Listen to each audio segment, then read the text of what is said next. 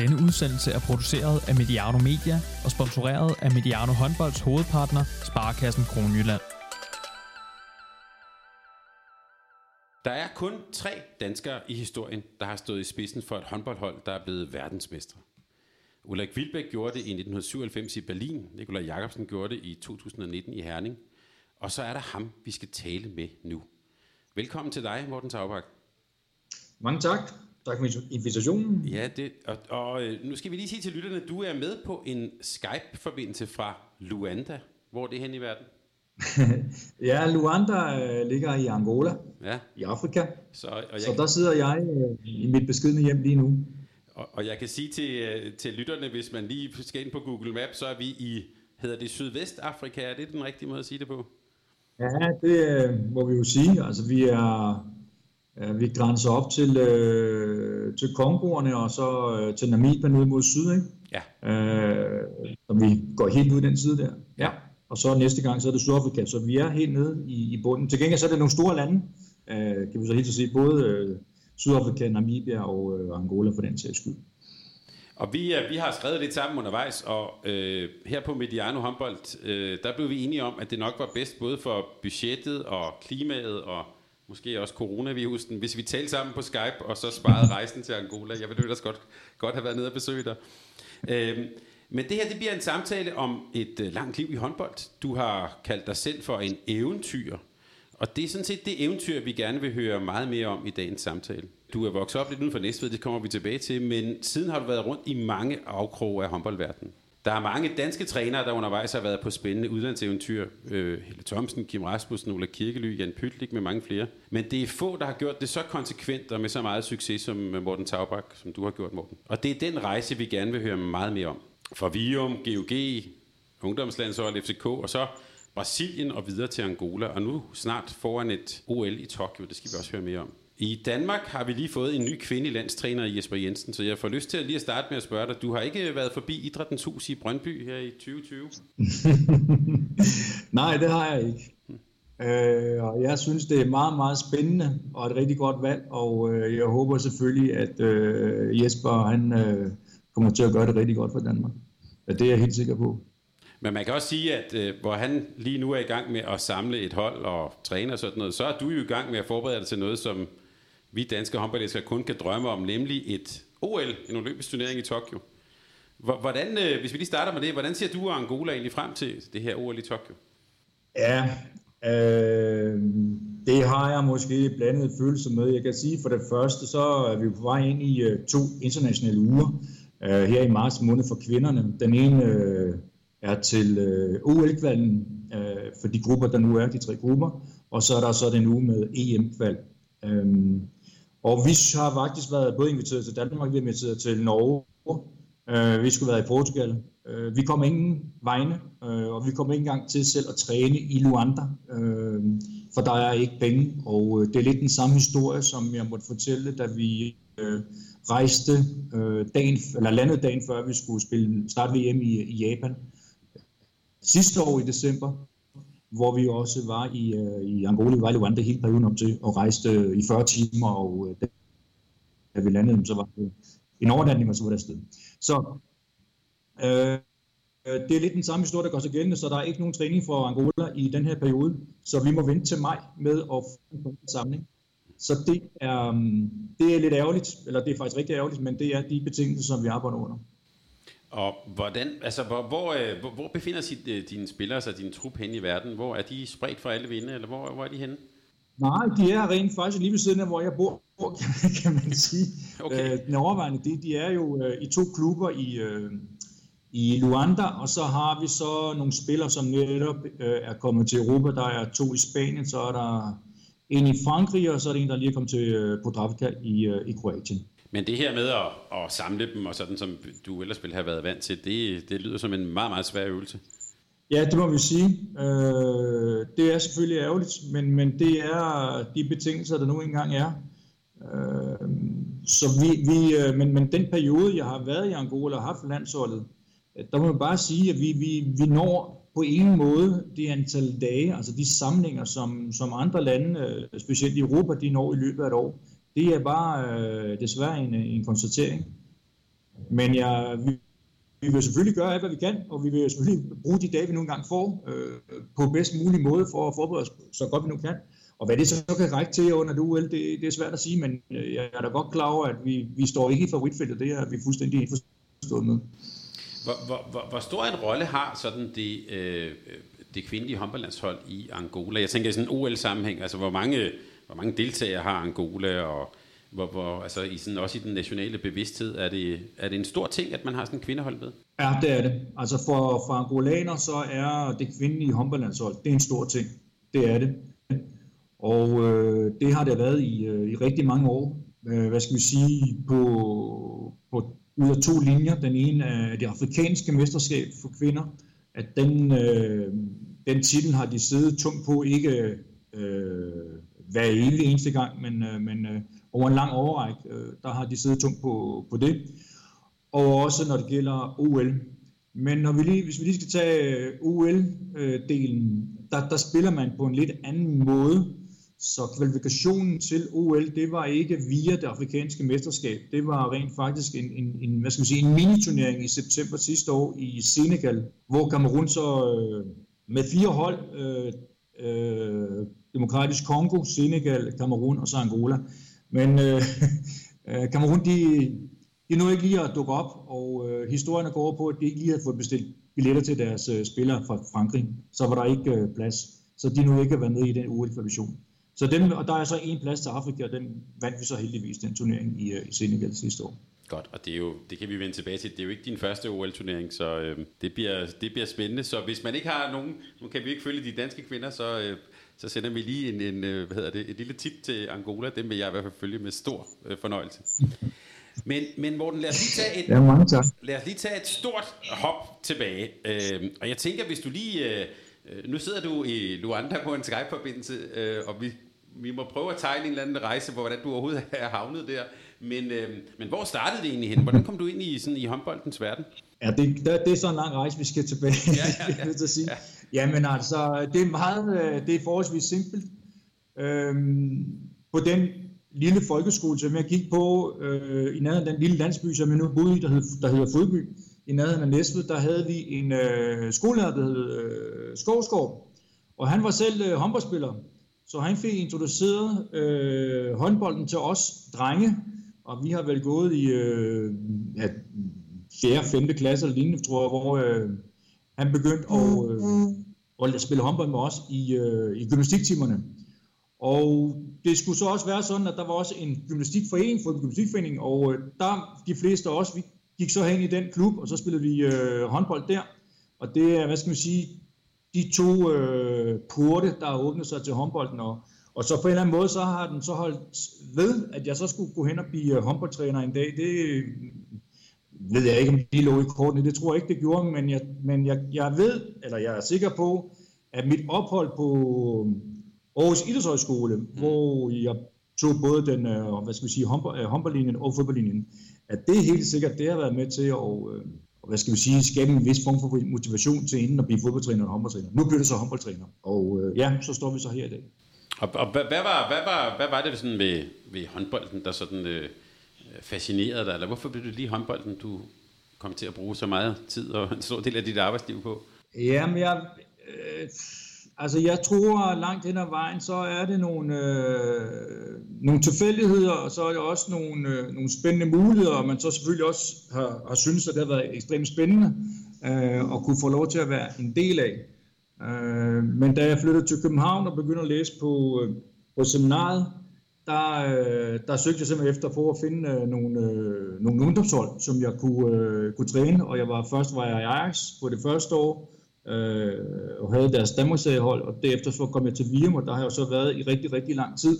Mm. Og øh, det blev jo nærmest sådan en, øh, og var øh, en familie, og den tid, jeg har haft i Virum Sovnfri, den, øh, den var helt, helt outstanding. Altså hvad de øh, mennesker har, har været i stand til at skabe øh, atmosfære og dygtige håndboldspillere, og det var et rigtig, rigtig rart sted at være. Øh, det øh, Ja, det kan jeg ikke sige dem tak nok for, for det er helt fantastisk. Og det gælder både spillere og ledere, det er jeg helt sikker på. Har du stadig noget kontakt til, til, til den del af, af håndbold Danmark? Ja, det har jeg. Måske ikke så meget, men... Øh... Altså, jeg har læst i et interview, at øh, i din Vium-tid, der havde du øh, langt hår og trænet nogle talentfulde junior, øh, juniorspillere. Er det rigtigt? Ja, det er rigtigt. Øh, det er rigtigt. De hedder blandt andet Claus Brun Jørgensen, Søren Hersken, Jan Marco Fogh, øh, Christian Jermin, Mads Storgård, Janne Sikker, Kim Kjellerdel, Kasper Jørgensen. Øh, ja, jeg kan ved. Der har været rigtig, rigtig mange dygtige håndboldspillere øh, i Vimus Sovfri. Og øh, jeg er også helt sikker på, at de også øh, tænker tilbage på, at det har været nogle rigtig, rigtig sjove år, specielt som ungdomsspiller i Vium. Og du, men du har også været forbi, øh, øh, hvad hedder det, Sydøstfyn på et tidspunkt. Hvordan kom du derover? Jamen, jeg fik en kontakt af, af GOG, øh, og øh, det var lige da de havde startet det her, hvis vi må kalde det for det hollandske projekt. Mm. Og øh, det blev jeg så en del af. Øhm, og det gik, øh, det gik faktisk rigtig godt. Det var helt fantastisk. Det var en kort periode, jeg havde, men øh, det, var, det var fantastisk. Øh, både med hollanderne og de danske spillere, der var. Og øh, det gik godt, synes jeg, en lang vej var øh, hen ad vejen. Og øh, det holdt i halvandet år, men det var, det var helt fantastisk. Det kommer heller aldrig til at glemme. Også en helt fantastisk klub. Men det her med, øh, øh, det, det er jo noget, vi har talt meget om i Danmark med Claus Brun Jørgensen og Jesper Jensen osv., den her forskel mellem at træne kvinder og herrer. Du har jo været bevæget dig i begge dele. Du har lige nævnt en masse øh, herrespillere, som der sikkert er mange, der vil genkende til. Hvordan, hvordan ser du sådan, øh, du har også, øh, nu har du befundet dig de seneste mange år i en kvindeverden, men hvordan ser du sådan øh, de to sådan øh, verdener? Er det to forskellige verdener for dig? Ja, det er det. Ja, for mig er det i hvert fald. Mm. Øh, men det er ikke kun det, det er to forskellige verdener. Jeg tror rent faktisk, det der er ekstremt vigtigt, det er, at man, øh, man finder ud af, hvad er det for et hold, og hvad er det for nogle spillere, man har med at gøre, og hvad er det for en kultur, man for det første bliver en del af, og, øh, hvor, og hvordan synes man måske, at den kultur den skal øh, videre frem, og hvordan den skal udvikle sig. Det tror jeg også er sindssygt vigtigt, fordi der er jo også forskel på, på for, øh, for flere forskellige herrehold, som for flere forskellige damehold. Altså der er der kæmpe forskel på, på det damelandshold, jeg har her i Angola, så det damelandshold, jeg havde i Brasilien. Altså kæmpe forskel. Så øh, det tror jeg også er meget vigtigt, at man er bevidst om, at man, øh, vi, vi kan ikke bare dele op i, i at træne et herrehold, og så træne et damehold. Hvad, hvad, har egentlig, hvad er sådan, øh, har du egentlig sådan, hvad er egentlig din håndboldfilosofi? Har du sådan en særlig måde at tænke, tænke håndbold på? Øh, du har jo været mange steder. Hvad, hvad har sådan præget dig? Jamen, jeg er da selvfølgelig blevet præget af de mange trænere, som jeg har stået ved siden af og har været assistenttræner for. Og øh, det der er slet ingen tvivl om, at, at øh, fra min tid i Vio, øh, hvor jeg fik lov til at, at lære utrolig meget af de forskellige øh, førsteårstrænere, som, som der var. Og øh, det er Kjell Nielsen, øh, Per Skorp havde jeg, var ikke Vium, men, men øh, ham mødte jeg via min læreruddannelse, øh, og hvor vi gladsaxe i gange. Øh, alle de svensker, vi havde, Olle Olsson, Ulf Sandgren, og så videre. Der har været rigtig mange svensker forbi i Vium, så, så på en eller anden måde, så, øh, så har jeg selvfølgelig taget det til mig. Øh, og, og, og om det er lige præcis at deres filosofi, det vil jeg måske ikke sige, det er, men, men øh, om det er noget med en homofosfi, så kan det godt være, at der er en, øh, eller godt være, selvfølgelig er der en eller anden nordisk stil, men jeg jeg vil sige det på den måde, at jeg, jeg kan ikke bare tage en eller anden nordisk stil, og så sige, nu, nu er det så sådan, vi gør i Angola, eller det er sådan her, vi gør i Brasilien. Rent faktisk har jeg begge steder prøvet at sige, hvad er det for nogle spillere, vi har, og hvad er det så for en stil, vi kan praktisere med de, øh, med de spillere, vi har til rådighed. Ja, det var faktisk også det, præcis det, jeg tænkte på. Hvis man nu sidder i det brasilianske håndboldforbund, eller i Angolas håndboldforbund, og tænker, vi skal, vi skal hyre Morten Taubak, hyrer man så en nordisk, skandinavisk træner, eller hyrer man en person? Hvad hvad er det for en stil, du kommer med? Ja, men jeg, jeg kommer med selvfølgelig med nogle, øh, nogle idéer om, at vi øh, vi gerne vil give godt op, vi vil gerne øh, løbe kontra, vi vil gerne løbe hjem, som er meget, som vi skal sige, skandinavisk orienteret. Det kan jeg bare sige, at det er ikke lige det, der er vores absolut stærkeste side her i Angola, øh, for at sige det mildt. Så øh, vi, vi bliver altså nødt til at finde nogle, nogle andre strenge, vi skal spille på, og finde nogle andre, hvad skal vi sige, veje, som vi skal, øh, skal have spillet på. Og det er, det er vigtigt. Jeg vil sige, at der er nogle ting, der sådan går lidt igen, både fra perioden med Brasilien, men der synes jeg, at, at der var jeg lige så lang tid, at, at der fik vi, øh, vi fik ændret mange ting. Og så måske en kæmpe stor forskel fra det, hvad skal vi sige, sammenligne der, det angolanske med det brasilianske landshold. Så var en hovedparten af de spillere, jeg havde på det brasilianske landshold, de var i europæiske klubber, og endda i nogle europæiske topklubber. Og her har det faktisk været hele vejen igennem. Indtil nu har alle spillere været og, og spiller i Angola, og det er der altså forskel på at det er, en, det er en helt anden spillestil, vi er ude i, og det er en anden kultur. Men lad os, øh, lad os hoppe lidt til det her med, øh, øh, med Brasilien. Du har været, du var omkring det her projekt, FCK håndbold, men i 2007 har jeg skrevet ned her, kom du til Brasilien. Passer det? Er det rigtigt med årstallene, cirka? Øh, nej, jeg har faktisk været i Brasilien i to omgange. Jeg kom til Brasilien i 1995, hvor jeg bare var der et, et år. Ja. Øh, og det var bare på, hvad skal vi sige, på en oplevelse. Men der var en mand, som var meget, meget håndboldnørdet, Øh, men det er lidt vigtigt måske lige at få den historie med, hvis I lige skal vende tilbage til Brasilien. Endelig. Men øh, ham havde jeg mødt tilbage i øh, 1993, fordi FIF's damer havde været på tur i Sao Paulo i 1992. Mm-hmm. Øh, med Trine Bay. Øh, jeg tror, Camilla Andersen har været med på den tur, hvis ikke der er helt fejl også. Mm. Øhm, og der fik jeg nogle kontakter, Claus Andersson, og dem øh, besøgte jeg over efter i 93. Og i 95, der inviterede den her mand, der hedder Eduardo Marcelo, Dudu bliver han kaldt, øh, ned til Sao Paulo for at træne hans hold. Hans hold. Og det gjorde så, det var så nærmest amatøragtigt, fordi de havde deres job, og så trænede de om aftenen. Og det, og det var så fint, øh, men det var en spændende og en fantastisk oplevelse for mig, at tog tilbage til Vio. Men han, han er så kommet til en større klub efter nogle år, og i 2004, der øh, der opsøger han mig og spørger, om jeg stadig er interesseret i at komme tilbage til Brasilien. Og der havde jeg det sådan, det vidste jeg ikke rigtigt, fordi øh, jeg synes også, nu var det måske nogle andre ting, der var mere sat for mig, men på den anden side, så havde det også sådan, at hvis jeg skulle ud af Danmark og prøve, og vi skulle tilbage til det, det nede med, og eventyr, jeg har altid været glad for at rejse, jeg, rejse, jeg har altid været glad for at rejse for, øh, i Sydamerika, så var det her måske øh, last chance. Så øh, jeg tog den, og øh, det var i 2005, jeg landede i Sao Paulo og blev klubtræner for en klub, der hedder EC Pinheiros, som er den absolut største klub i øh, hele Sydamerika. Den har vel omkring øh, 40.000 medlemmer. Så det er sådan en mindre, mindre sportsklub, lad os sige det på en måde. Hopperdunning er ikke så stor. Den er måske på 200-300 øh, spillere. Men klubben så sådan, den har 40, cirka 40.000 medlemmer. Så den er kæmpestor. Mm. Øhm, så ham skylder jeg alt den mand, fordi øh, jeg er ligesom ikke kommet tilbage til Danmark siden da. Øh, ikke fordi det har med Danmark at gøre, men, men hvis det ikke havde været for ham, så havde jeg ikke siddet her i dag. Det er, det er helt sikkert. Og hvad var det, du, øh, du oplevede, da du kom til Pinheiros her? Hvad, hvad, hvad var det for, hvad for en, hvad kan man sige, hvad for en forfatning var både klubben og brasiliansk håndbold i, da du kom derover? Ja, ja, det var jo selvfølgelig øh, var meget anderledes, men en, altså en kæmpe stor klub, øh, det, det er det svært at sidde og forklare. Man, man, man, man, kan, man skal næsten være der for at få sådan en fornemmelse af, hvor stor den egentlig er. Øh, sådan rent fysisk. Øh, altså det er jo en, en klub, som har alverdens idrætsgren øh, som tilbyder, men det er jo ikke i nærheden af at være den form som klubber, som vi kender i Skandinavien, selvom der bliver tilbudt af forskellige øh, idrætsgrene. Altså her snakker vi om, der er teater, der er banker, der er biograf, der er restauranter, der er caféer, der er shows, der er øh, you name it. Der er øh, rigtig, rigtig mange muligheder som, øh, som klubmedlem. Til gengæld så er vi nok ude i, hvis man skal være heldig at få lov til at blive medlem af den klub, så tror jeg i dag, bare sådan som lige får en fornemmelse af, når man skal sammenligne med at betale kontingent, så tror jeg, at det koster over 100.000 kroner bare at blive medlem. Og så kommer det nærliggende spørgsmål, hvem er det så, der er medlemmer i den klub? Ja, det er jo øh, så meget simpelt øh, den rige del af befolkningen, som øh, har mulighed for det. det øh, men sådan er der rigtig mange klubber rundt omkring i, øh, i Sao Paulo, og der er også flere, der er dyre end det her.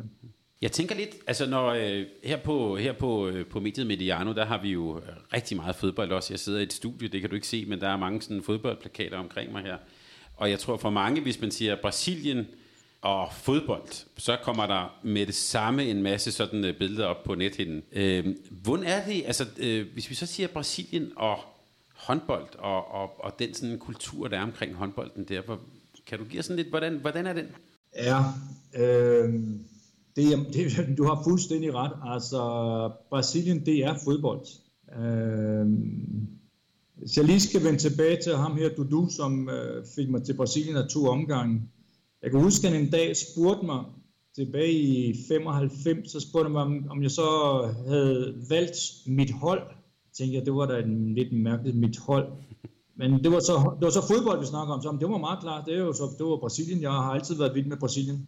Øh, nej, nej, nej, siger han så. Du skal jo have et klubhold. Altså alle i Brasilien har et klubhold. Altså selv min mormor har et klubhold. Man skal have et klubhold. Man skal holde med nogen. Landshold, det er fint nok, men, men øh, og øh, sådan step by step, der fandt jeg så ud af, at øh, jeg gik jo rundt og troede, at øh, Brasilien, det var sådan, det var landshold og ting og sager, men, men den, det forhold, som brasilianerne har til deres klub, altså det er, det er jo nærmest sådan familierelateret øh, i italiensk forstand, har jeg sagt. Ja. Det er meget, meget skarpt og meget, meget stærkt. Øh, så jeg har selvfølgelig også mit klubhold, det siger sig selv. så jeg holder med Sao Paulo, for det gjorde han, så, øh, så har jeg ikke trådt ved siden af i hvert fald. Øhm, så, øhm, så på den måde er det ekstremt stærkt, og øh, man skal jo bare tænde for brasiliansk tv, så vil man hurtigt finde ud af, at der er fodbold nærmest 24-7, om det er så første eller anden division, eller det er State Championship, som bliver kørt den første halvdel af året, det kører lige nu, og så en anden halvdel af året, der kører det jo så det brasilianske nationale mesterskab. Plus deres øh, Libertadores, som er jo deres Champions League. Så jo, øh, der er ikke meget pause der. Det, øh, der, er, der er meget attention på, på deres fodbold, det må man sige. Så hvis vi sammenligner med, med håndbolden, så vil jeg så sige, at den rejse, som jeg har været med til sammen med landsholdet, men jeg bliver også nødt til at sige meget, meget, meget klart og meget kraftigt, også det brasilianske herrelandshold har været igennem. Jamen lige pludselig så, øh, så var der altså, kom der en, øh, en opmærksomhed på, på, på landsholdene, ikke på klubholdene men på landsholdene. Og pludselig var det Globo, som er den største øh, tv-station i Brasilien, som, som tog rettighederne til, til VM blandt andet. Eller nogle af de sidste VM. Ja. Så jo, det har ændret sig. Jeg, jeg tænker også, øh, når man tænker sådan på brasiliansk fodbold, så øh, er der jo alle de her, kan man sige, klichéer om, at man kommer fra faveliaen, man spiller, øh, hvad hedder det, fodbold på Copacabana, hele den der sådan leg med bolden, øh, Pelé, Garincha og sådan. Øh, øh, er det, er det også den der sådan, øh, det der med, at man elsker bolden og, og lejen med bolden, går det også igen i, når, med de håndboldspillere, som du mødte derovre? Det ved jeg ikke rigtigt. Men jeg tror, at hvis man skal sige noget omkring det med håndbolden, hvor den er stærk, altså hvor de får et tilførsforhold, at det ikke er nede øh, i favelaerne, det er ikke øh, på Copacabana eller på stranden eller lignende. Det er rent faktisk i skolerne, næsten alle brasilianske folkeskoler, de spiller håndbold.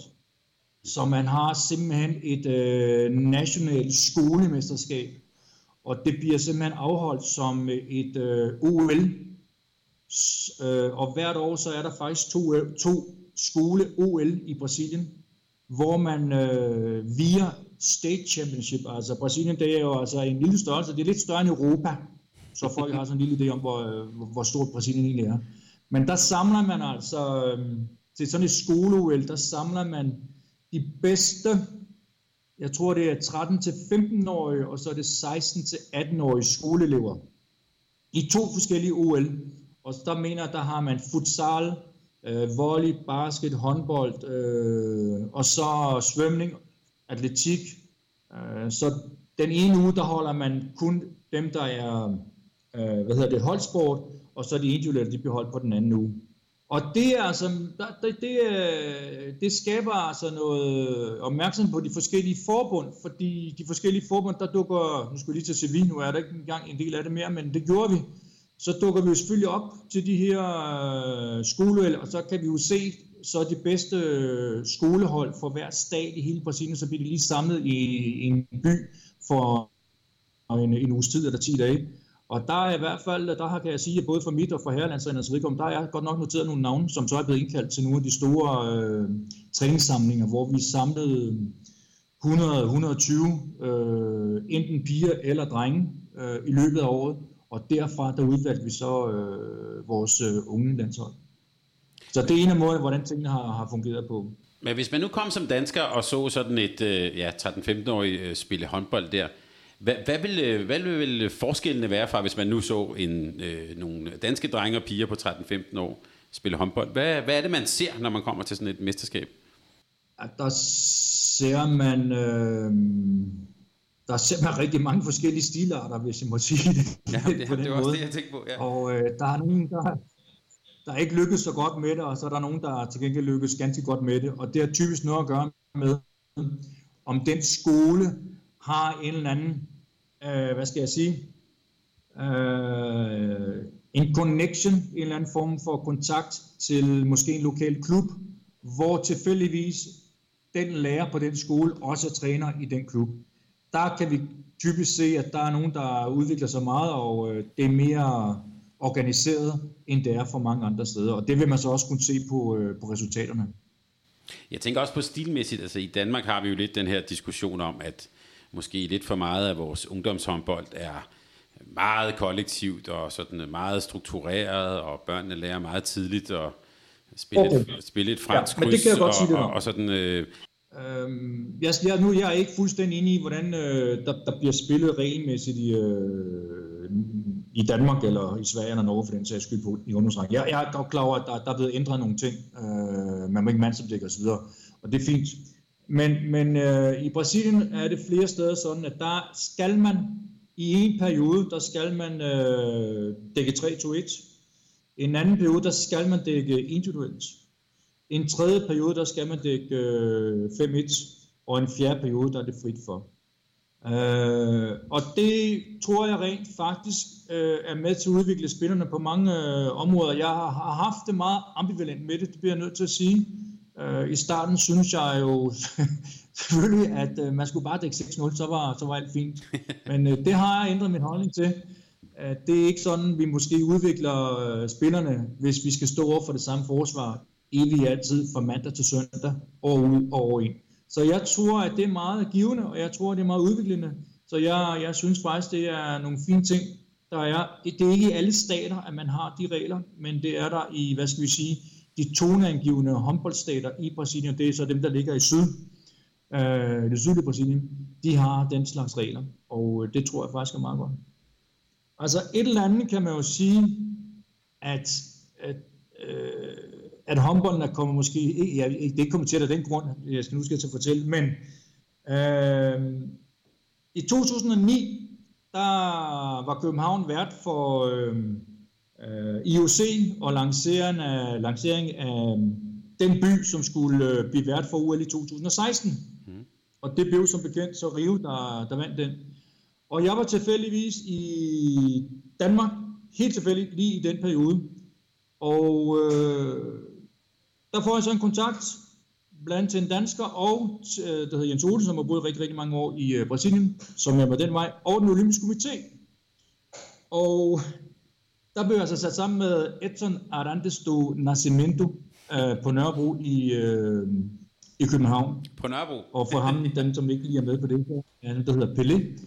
Så det var selvfølgelig en kæmpe, en fantastisk oplevelse for mig, at skulle sidde lige pludselig helt alene med øh, det største, det største navn i fodboldhistorien øh, i København.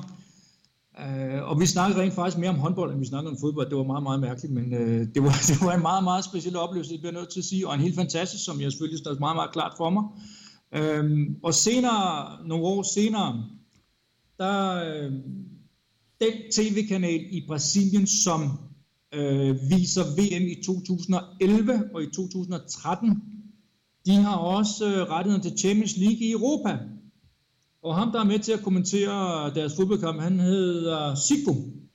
Og ved en stor øh, galamiddag i Rio, der sætter den her tv-station så mig op sammen med Sigbo og øh, får lavet et øh, fodbold-interview live og det synes de selvfølgelig var meget sjovt at få, få sat det op. Så der har rent faktisk været flere sådan seancer, øh, hvor blandt andet jeg og også andre inden for håndboldafdelingen, men, men har mødt nogle helt fant- altså nogle af de største navne i, øh, i brasiliansk fodbold. Jeg har også været sat sammen med Romario øh, under det pæne amerikanske mesterskaber i 2011. Så det har været meget sjovt at få den her, hvad skal man sige, øh, ja, kobling til, øh, til, til nogle af de største stjerner. Så på den måde øh, har det vel også lige skabt, bare lige i, i det moment, lidt opmærksomhed til, til håndbolden i hvert fald.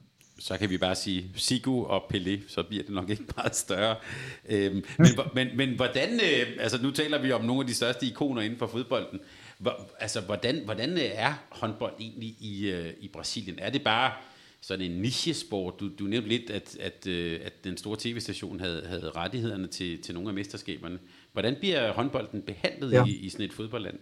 Ja, altså hvis, hvis vi skal tage det ned til, øh, til, til klubniveau, så er der øh, nogle kampe, som bliver vist på, på forskellige kanaler i Brasilien. Men, men vi, kan, vi kan ikke tillade os på nogen måde at sammenligne det med, øh, med Europa, og slet ikke Danmark. Uh, altså, der, der, der, der bliver håndbolden altså kvælt. Og så skal vi jo lige huske, der er jo også andre kæmpe store sportsgrene. Altså volley, volley damer, volley mænd, strandvolley mænd, strandvolley damer. Altså, de er jo kæmpe store. Øh, altså kæmpe store, altså, hvad, hvad de har bedrevet af resultater i, øh, i volley inden for de sidste 20 år, altså det er jo meget imponerende. Så der er, øh, der er mange at kæmpe imod, og øh, der bliver stadigvæk kun 24 timer på døgnet. Så øh, der, er, der er ikke meget plads tilbage til håndbold på tv, det bliver jeg nødt til at sige, eller for den sags skyld i de skrevne medier. Og hvordan, øh, øh, nu skal vi, synes jeg, vi skal komme lidt ind på det her med, at du jo også bliver brasiliansk landstræner. Og øh, hvordan kom det i stand? Ja, øh, jamen jeg fik en henvendelse fra forbundet i 2008, om det var noget, der var interessant for mig. Og øh, det synes jeg selvfølgelig, at det var. Så øh, jeg tiltrådte i 2009, og øh, ja, det var så første gang, at jeg skulle stå med et øh, seniorlandshold, øh, hvad skal vi sige, som, som ansvarlig, øh, eller som cheftræner. Øh, jeg var selvfølgelig også usikker på, på mange ting, fordi hvor, hvor skulle jeg starte henne, og hvor, øh, selvfølgelig var jeg det, og nogen kendte jeg. Øh, nogen havde set, øh, Jeanne Masson havde spillet med mig i FCK, så øh, hende kendte jeg blandt andet. Mm. Øh, så det var, øh, jeg vil sige, det første, første halvår, det var, det, eller de første par samlinger, der havde vi problemer med at få dem med fra Europa. Og der bliver jeg bare nødt til at sige, at der var altså et, øh, et stort gab, og rent faktisk inviterede vi også Danmark ned øh, lige præcis i 2009, og der havde vi stort set heller ikke nogen med fra Europa i, til den samling. Og der, der, der kunne jeg godt se, at der var altså et stykke nu, øh, før vi, øh, vi kommer til at, at ramme noget som helst.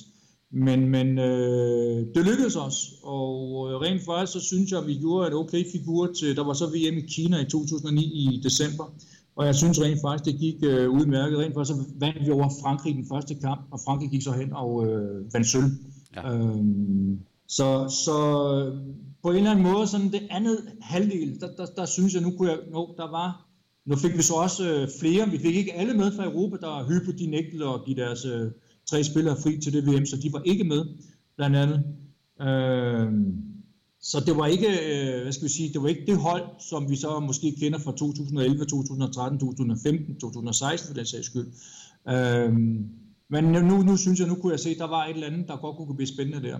Og, og hvad, øh, hvordan tænkte du, da du sådan, øh, ja, han har sagt, da du overtog holdet her, var det, Øh, man hører jo tit om landstrænere, der, der sådan udpeger øh, forskellige parametre. Det kan være noget fysisk, eller spillemæssigt, eller øh, mentalt, eller sådan noget. Hvad, hvad, hvad bestod din opgave af? Ja. Var det hele vejen rundt? Ja, det var det jo, fordi der var heller ikke ret mange ressourcer at, at gøre godt med på det tidspunkt. Det, det ændrede sig øh, undervejs, da der kom to store sponsorer til. Men jeg kan huske, jeg kan huske på den første samling, eller måske ikke den første, var jeg, der var flere af dem med på Europa med. Men det er lige meget, det er 2009 i hvert fald. Der siger jeg til dem, at øh, jeg havde sagt ja til det her landstrænerjob, fordi øh, jeg synes, det var nogle meget spændende spillere, og jeg synes, det var meget spændende landshold. Og øh, jeg sagde ja til at tage et job, fordi vi, øh, jeg forventede, at vi skulle vinde en medalje til et OL eller til et VM. Og der har de sagt til mig efterfølgende, at der var de sådan set lige ved at falde ned af stolen, for det var nok noget af det dummeste, de nogensinde havde hørt. øh, de var vant til at blive nummer 21 og nummer 19 og til VM og tabe med øh, over 10 mål, når man spillede mod europæiske hold. Så det synes jeg lige, det var lidt sjovt det der. Men til gengæld så øh, har de selv brugt den frase adskillige gange efter 2013, så det er selvfølgelig en meget sjov lille historie at tage med. Og det var jo bare et skud ud i øh, togen, men til gengæld så lover jeg, at det jeg sagde, det, det mente jeg. Og den, den måde, at, altså, jeg tænker også den måde at, øh, udover at du mente det, men jeg tænker også den måde at tænke på, øh, ser man sig selv, og det er jo nu du er også i Angola, nu ser man sig selv som, som nogen, der kan udfordre, eller, eller, eller, eller ser man, hvordan ser man sådan verdenshåndbolden? Er det bare svært med de der europæere, eller, øh, altså jeg tænker også sådan, ja. sådan den indstilling, man har. Ja, der var det. Det er svært. Det er rigtig svært. Og det øh, er jo ren historik, og det gælder jo også for, på, på herresiden. Altså, det er rigtig svært at finde, øh, finde landshold uden for Europa, der til et OL eller til et VM, øh, rent historisk, rent faktisk har taget medalje. Det er rigtig svært, og det bliver ved med at være rigtig svært.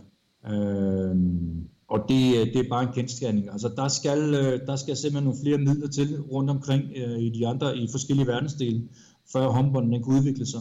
Og øh, det er meget, meget simpelt øh, i min optik, at hvis de landshold, som må findes øh, på andre kontinenter, hvis de ikke får muligheden for at træne og spille mod nogle hold, som er lige så gode eller bedre end dem selv, jamen så øh, kommer der ikke til at ske nogen øh, ændring i det. Altså, øh, der, der skal nogle flere midler til, der skal noget mere investering til, der, øh, jamen det, det skal være dybere, og så skal man have nogle, nogle, nogle, nogle bedre muligheder for at kunne spille og træne med hinanden. Altså, når jeg, altså europæiske hold i den her sammenhæng.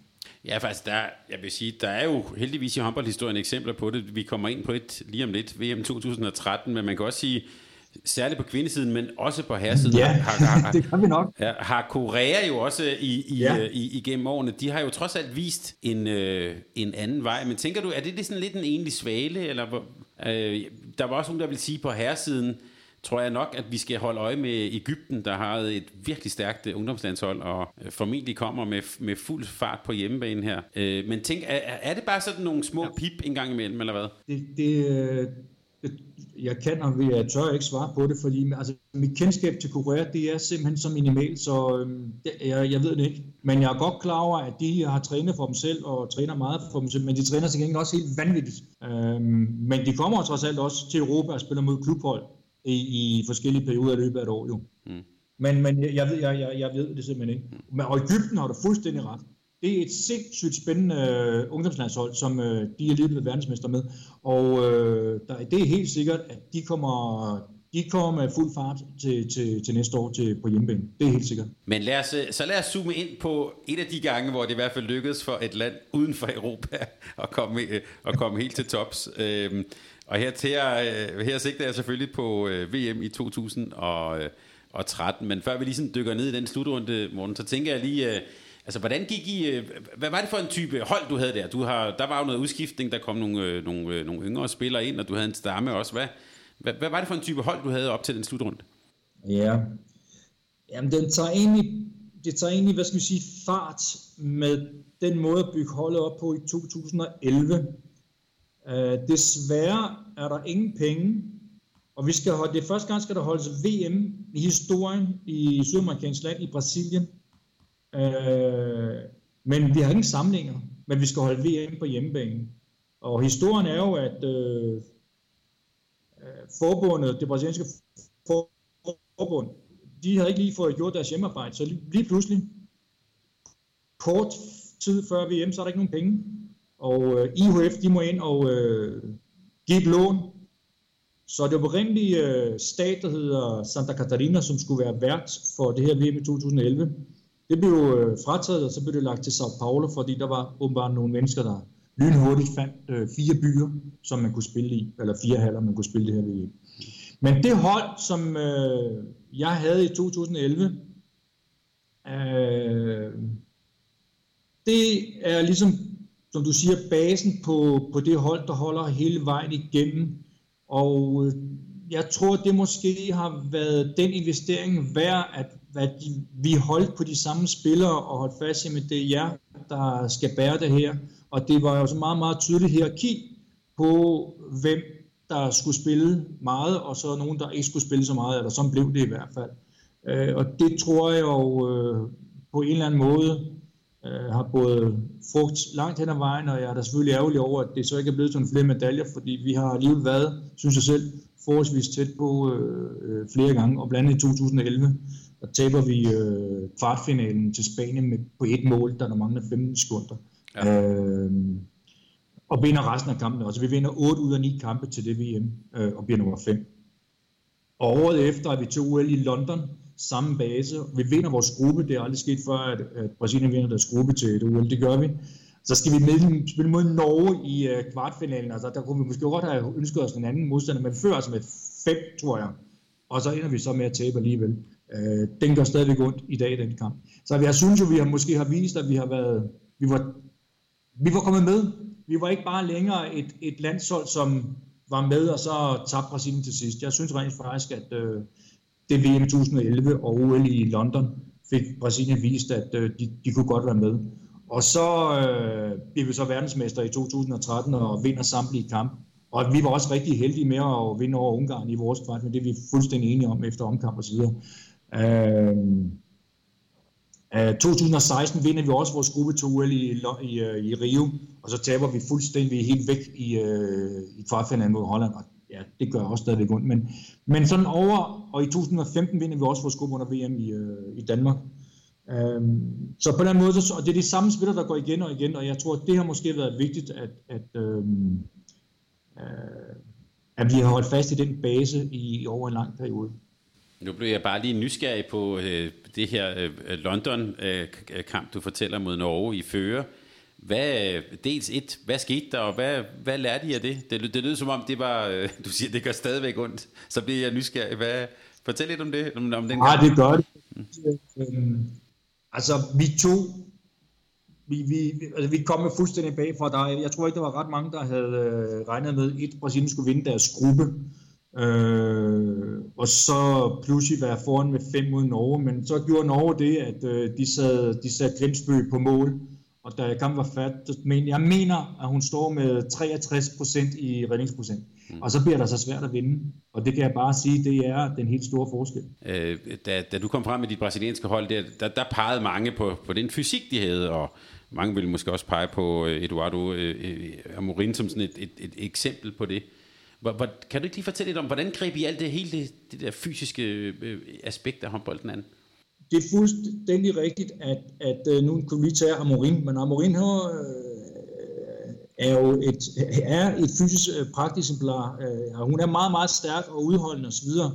Øh, men, men vi fik lavet et, øh, hvad skal vi kalde det, vi fik, vi fik i hvert fald gjort det klart for spillerne, at hvis vi skulle være med, altså i toppen, og man skulle være med til et mesterskab, jamen så øh, skulle man altså være klar i 14 dage, og så var det ikke øh, et panamerikansk mesterskab, hvor man spiller mod øh, øh, nogle klart svagere hold, hvor man også godt kan komme med en fysik, der ikke er så stærk igen, så vil man stadigvæk være, eller brasilianske land, så vil i hvert fald, stadigvæk være blandt favoritterne til at kunne vinde. Men ikke til et OL eller til et VM. Og jeg tror, det var vigtigt, for det gjorde klart, at der skulle vi altså blive bedre.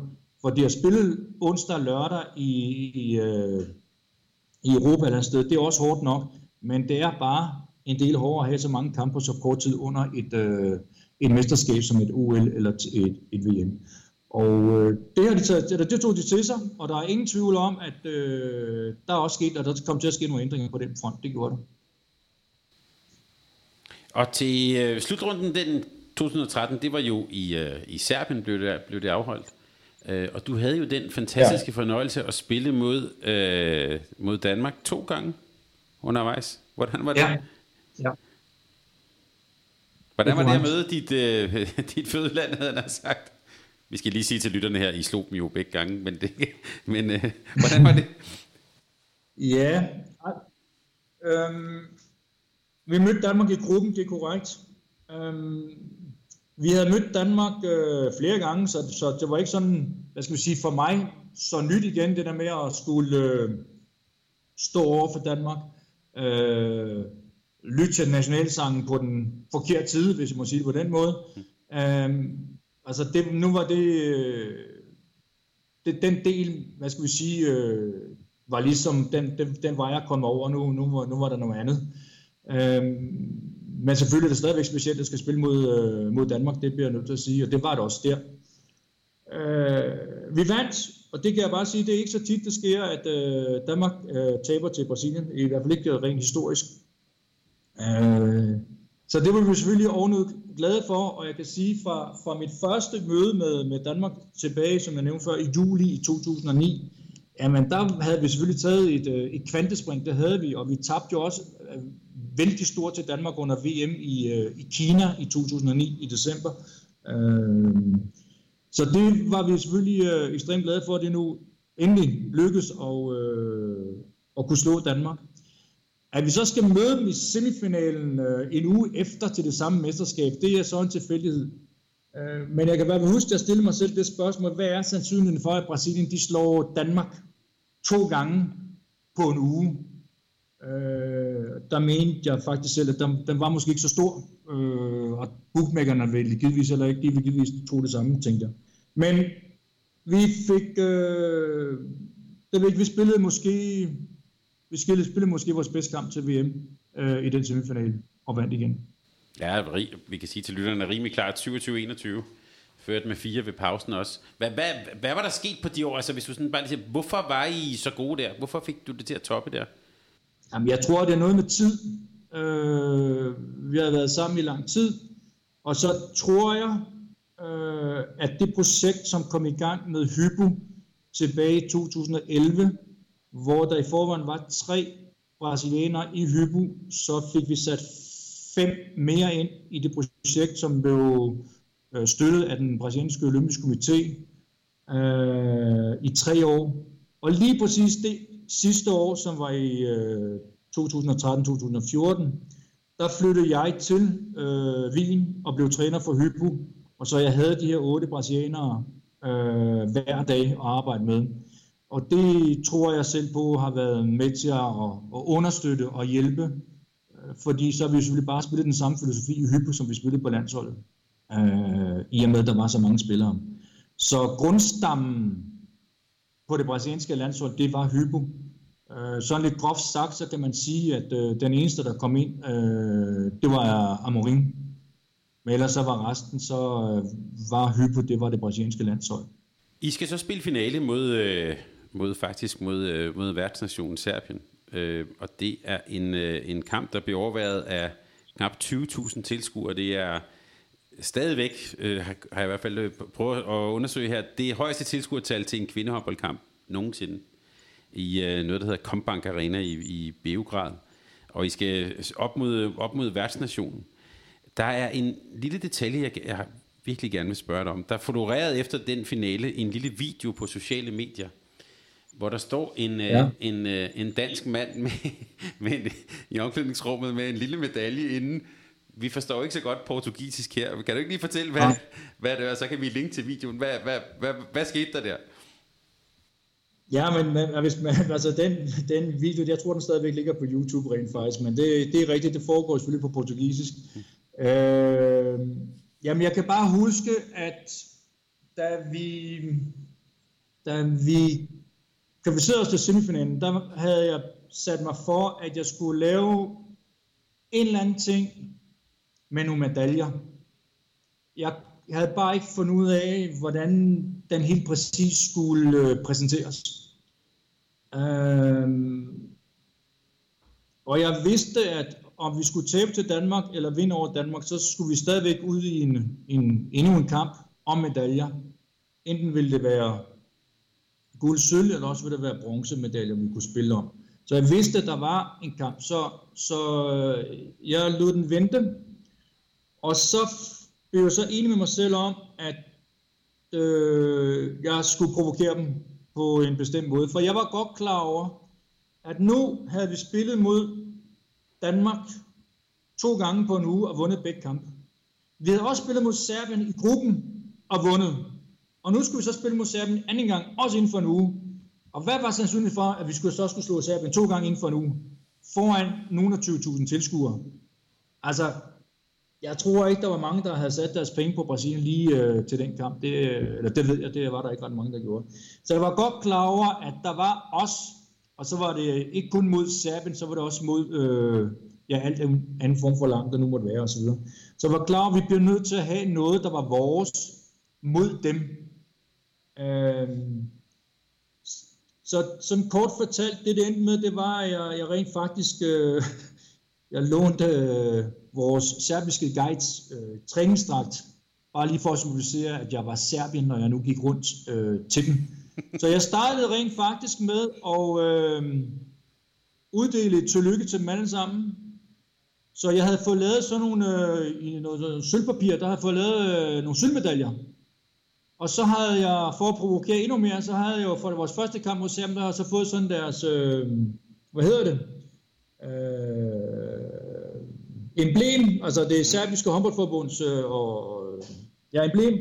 Så det havde så lige til, til en, øh, en slags, øh, øh, hvad skal jeg kalde det?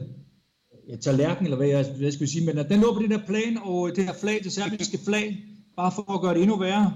Og så gav jeg dem så alle sammen en sølvmedalje, og øh, ønskede dem tillykke med sølvmedaljen.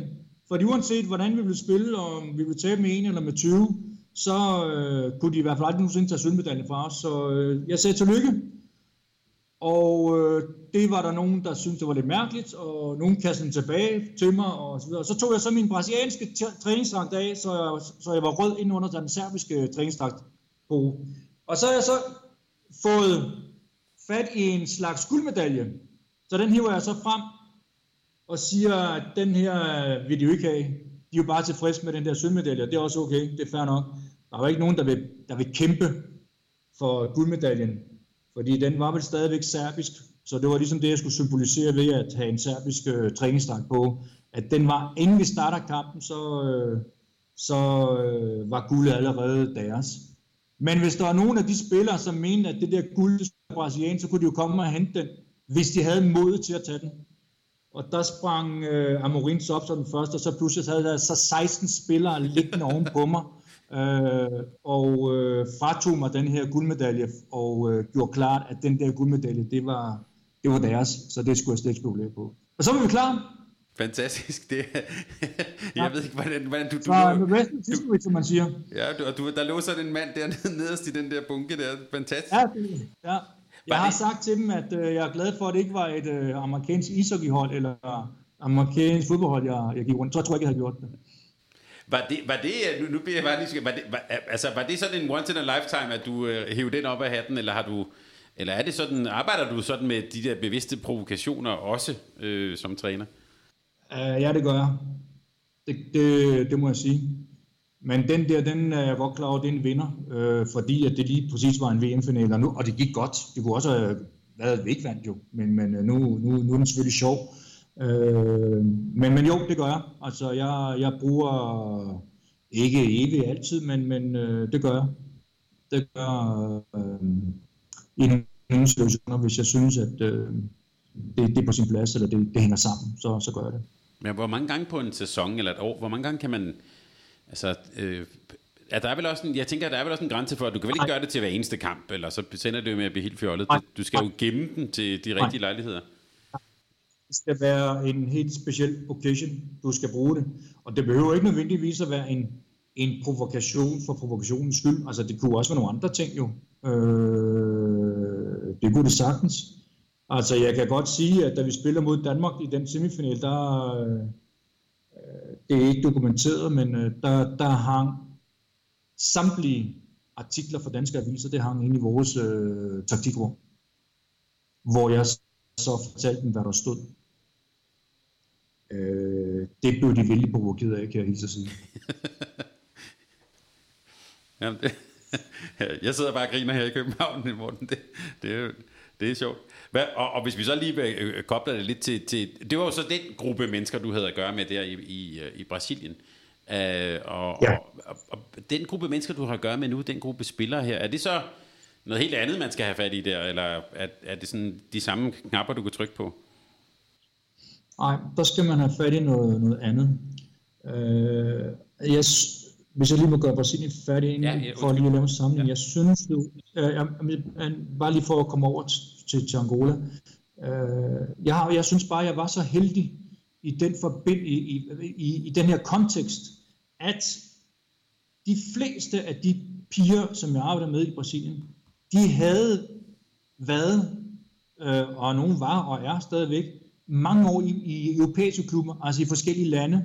Norge, Danmark, øh, Rusland, øh, Ungarn, øh, Polen, Tyskland, Frankrig, Spanien, Portugal, Makedonien, you name it. Så de har også fået nogle forskellige øh, håndboldindtryk øh, der, hvor de nu øh, har været forbi. Og så tror jeg bare, det har været et øh, fint mix, altså det har været øh, et fint ægteskab, man så må sige, at så jeg kom til Brasilien og har haft nogle år, nogle læreår til at starte med, og prøve at sætte mig lidt ind i, hvad er øh, det så for en kultur, som de egentlig også har med sig fra Brasilien. Det tror jeg har været, øh, været et rigtig fint mix, og det har der, at vi har været heldige med det. Sådan er det ikke her, fordi at der er ikke nogen, der har været i Europa. Øh, det er, de har været i Afrika hele tiden. Og øh, det er en helt anden stil, det er en helt anden måde at tænke på. Og på den måde så har jeg brugt rigtig meget tid på, og, og jeg har brugt rigtig, rigtig meget tid her i Angola med, med video, og prøv, prøv nu at se her, hvis vi nu gør sådan her, nu står vi her, hvad gør vi så? Og, øh, og det gør jeg stadigvæk, og det kommer jeg også til at gøre frem mod øh, OL, men jeg synes, at vi er blevet lidt bedre fra VM i øh, Tyskland i 2017, og så, øh, og så frem til sidste VM, der synes jeg, at vi har, vi har flyttet os. Det, det synes jeg.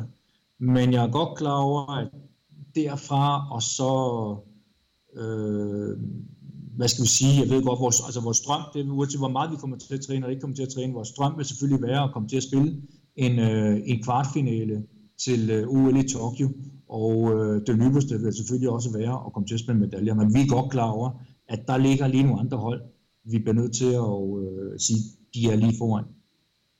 Hvordan kom kontakten egentlig til, altså du har jo også omtalt dig selv her som en eventyr, hvordan, hvordan kom kontakten til Angola egentlig? Hvordan kommer man til Angola? Det er via, det er via min agent. Ja. Så der var flere forskellige muligheder efter Brasilien. Øh, det var der. Og nu så endte det med Angola. Dem havde jeg alligevel spillet mod øh, flere gange, og jeg synes, der er nogle rigtig spændende spillertyper iblandt. Og det synes jeg, der var. Det synes jeg stadigvæk, der er. Øh, det er nemlig de samme. så øh, altså, jeg håber på, at vi kan, vi kan flytte os lidt igen, selvom der er meget kort tid tilbage. Og jeg ikke får ret mange dage sammen med dem, så håber jeg, at vi øh, stadigvæk... Jeg synes, der var faktisk en okay tegning under VM i, i Japan. Øh, i december måned. Så jeg håber selvfølgelig, at vi kan ud, udvikle os bare en lille smule. Men, men hvad, hvad fik dig til at sige ja til, til at flytte kontinent og komme helt til Angola? Hvad, hvad, er, det, der, hvad er det, der tiltaler dig? Hvad er det, der... Altså udover, ja, udover at jeg synes jo, der er nogle spændende håndboldspillere, og jeg, jeg, og jeg, jeg, jeg tror på, at det var muligt at, øh, at gøre noget med holdet, ja, så øh, er der også eventyr, Morten, det der med at pludselig at få muligheden for at bo og arbejde i, øh, i Afrika, Øhm, jamen, det synes jeg jo selvfølgelig også lød øh, ekstremt spændende. Så, så på den måde har den del, altså der har været en privat del der til, men øh, der, du får muligheden for at bo og opleve arbejde øh, i Afrika, og du får muligheden for at gøre det, du allerbedst kan lide, nemmere at arbejde med håndbold. Øhm, så det synes jeg var jo et fint øh, mix endnu en gang. Så det, øh, det er vel sådan, den hænger sammen. Men jeg tænker også, man skal være dygtig. De sådan, øh, hvad skal vi kalde det, praktiske rammebetingelser, du har her, er jo vanskelige. Man skal vel også have et, en særlig tilgang. Du lyder ikke som om, du er øh, sådan helt opgivende. Det, man skal vel have en særlig tilgang til det at træne under og udvikle under så vanskelige betingelser. Der vil nok være mange, hvad skal vi sige, øh, lidt forkælede trænere rundt omkring, der vil synes, at det var, det, det kan være helt umuligt. Øh. Hvordan tænker du om det? Ja, men det tror jeg, du har ret i. Øh, men der tror jeg, det var vigtigt, at jeg lige havde haft 10 år i Brasilien inden. Øh, fordi der støder man også på mange forskellige udfordringer, som man ikke gør i der, hvor du sidder. Øh, eller Tyskland, eller Frankrig for den sags skyld, hvor det nu må være. Men altså, bare sådan, så folk lige kan få en... Altså, det, det er meget nemt at sidde og sige det, med, når man ikke lige har det foran sig, men, men øh, det klubhold, som man træner her, det, altså alle klubhold i, øh, i Angola, de har jo ikke nogen hal. Øh, man, man spiller udendørs. Så spiller man, enten spiller man på cement, eller også spiller man på nogle af de her øh, plastikbrikker, som vi måske kender fra Grækenland og Italien, Portugal, hvis nogen har oplevet det. Men så er det altså øh, åben air, og det er altså landsholdsspillere, vi snakker om. Det er OL-atleter, vi snakker om. Uh, jamen, hvis det regner, så er der så ikke træning den dag, vel? Det gør der så ikke så tit, kan jeg helt sige. uh, men, men, men det, det, uh, så er det kl. 6.30 eller 6 om morgenen, fordi et, inden så er solen så stærk, så vi ikke kan, kan være der, han har sagt. Uh, og ellers er det fordi, og så fordi de skal i skole. Altså, så, de er jo ikke professionelle, som, som, som vi kender til det på, på de breddegrader, hvor, hvor du sidder. Og, og hvordan er håndbolden øh, organiseret? Øh, altså der, der er klubber, men med, er det også et sådan skolesystem, eller hvordan, hvordan, til, hvordan er sådan håndboldlandskabet ja. i Angola? Ja, jeg, jeg bliver der en lille smule svar skyldig, fordi jeg kender ikke ret meget til håndbolden uden om øh, Luanda. Øh, jeg har ikke været ret mange steder, udover øh, Luanda. Der bliver selvfølgelig spillet håndbold, øh, også i skoleregi. Men det er meget, meget, øh, meget, meget klart, at når de nationale mesterskaber, det er ligesom der, man kan se det, når de nationale mesterskaber bliver afholdt i Angola, så bliver det afholdt på 14 dage. Så spiller man øh, typisk i to, to grupper af fem, seks hold, og så sætter man det sammen og spiller kvartfinale, semifinale og finale, og så er det slut.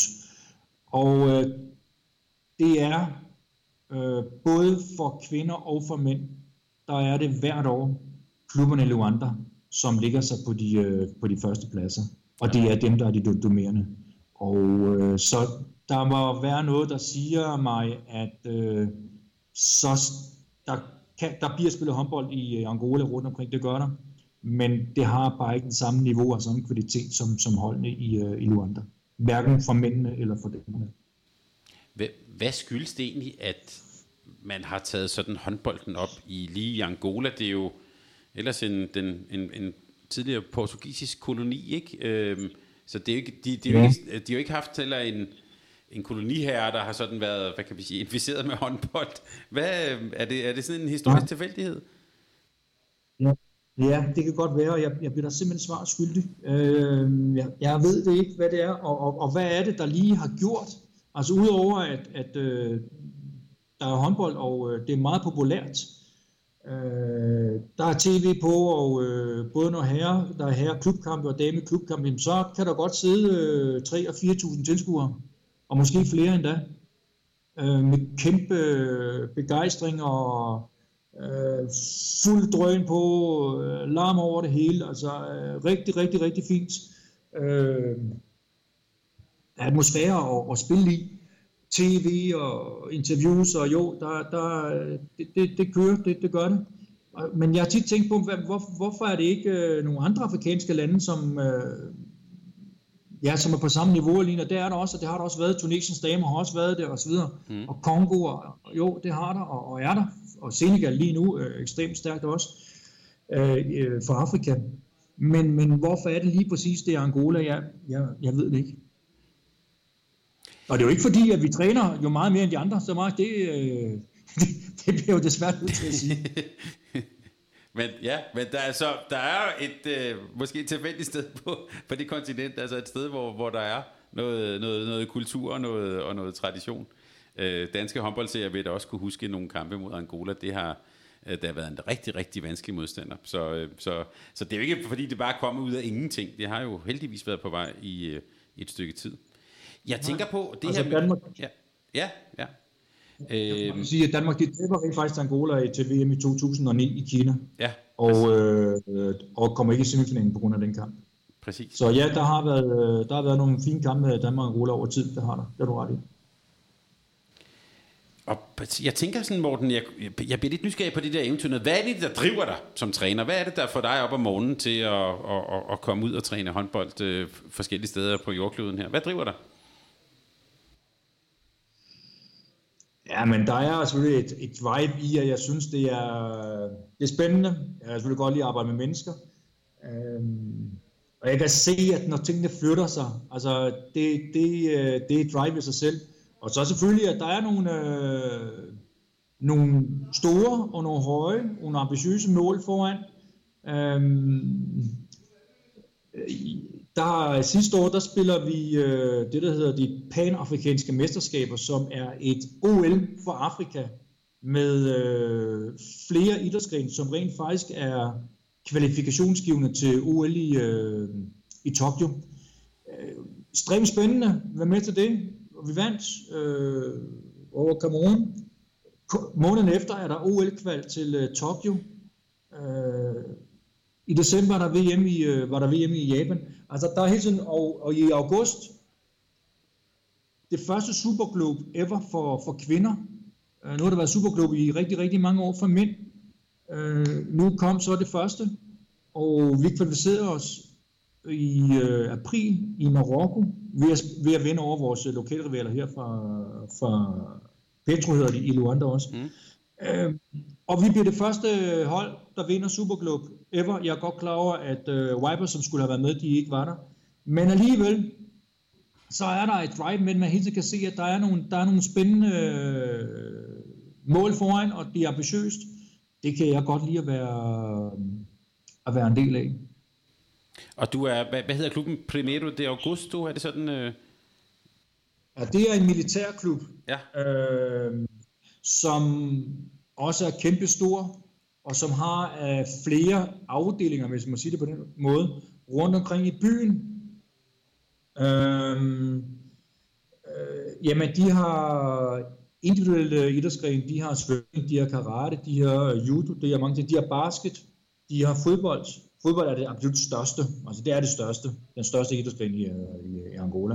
De er håndbold, øh, volley, så der, der er rigtig mange idrætsgrene. Øhm, vi har et håndboldakademi.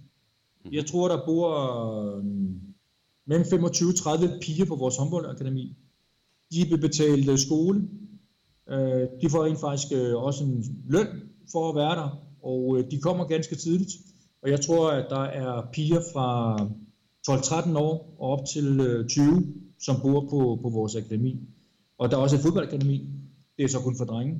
Øh, det er en anden bygning.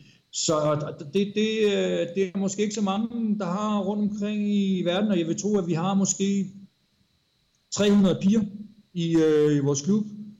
Øh, jeg tror på seniorplan, der har vi, altså hvis jeg tager dage, skal vi sige junior og senior afdeling, hvis vi tage dem med, jamen så er der nok 60 spillere, vil jeg tro. Mm-hmm.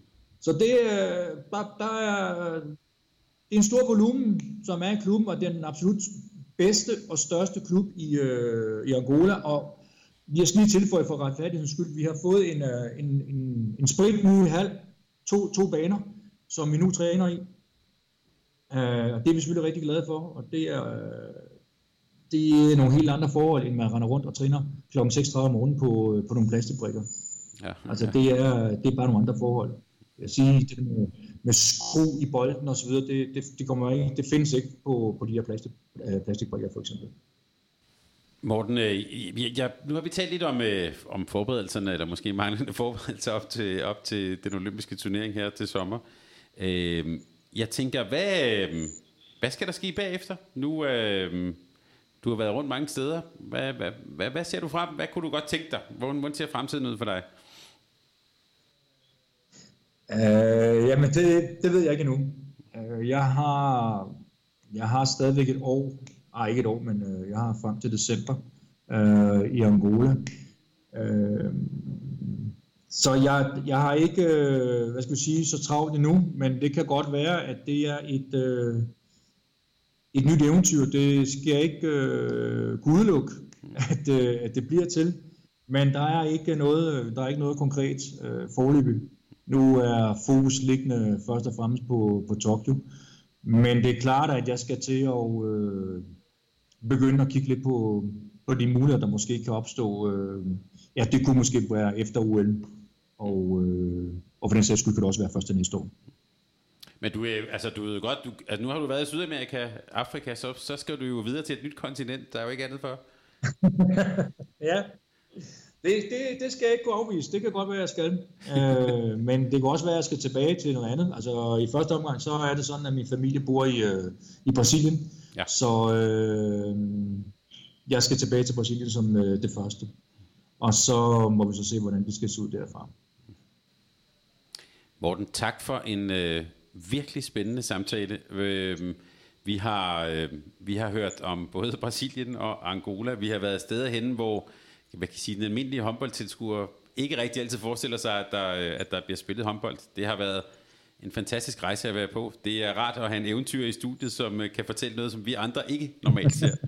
Så det skal du have. Tusind tak for, at du tog dig tid til. Jeg takker mange gange. Det har været rigtig, rigtig hyggeligt. Uh, tak for invitationen endnu en gang. Og, uh, og uh, tillykke med et godt program. Ja, det tak. fremover. Og så er der bare tilbage at ja, sige kæmpe fint, held og lykke til, uh, til sommerens OL. Vi glæder os til at følge dig og dit hold.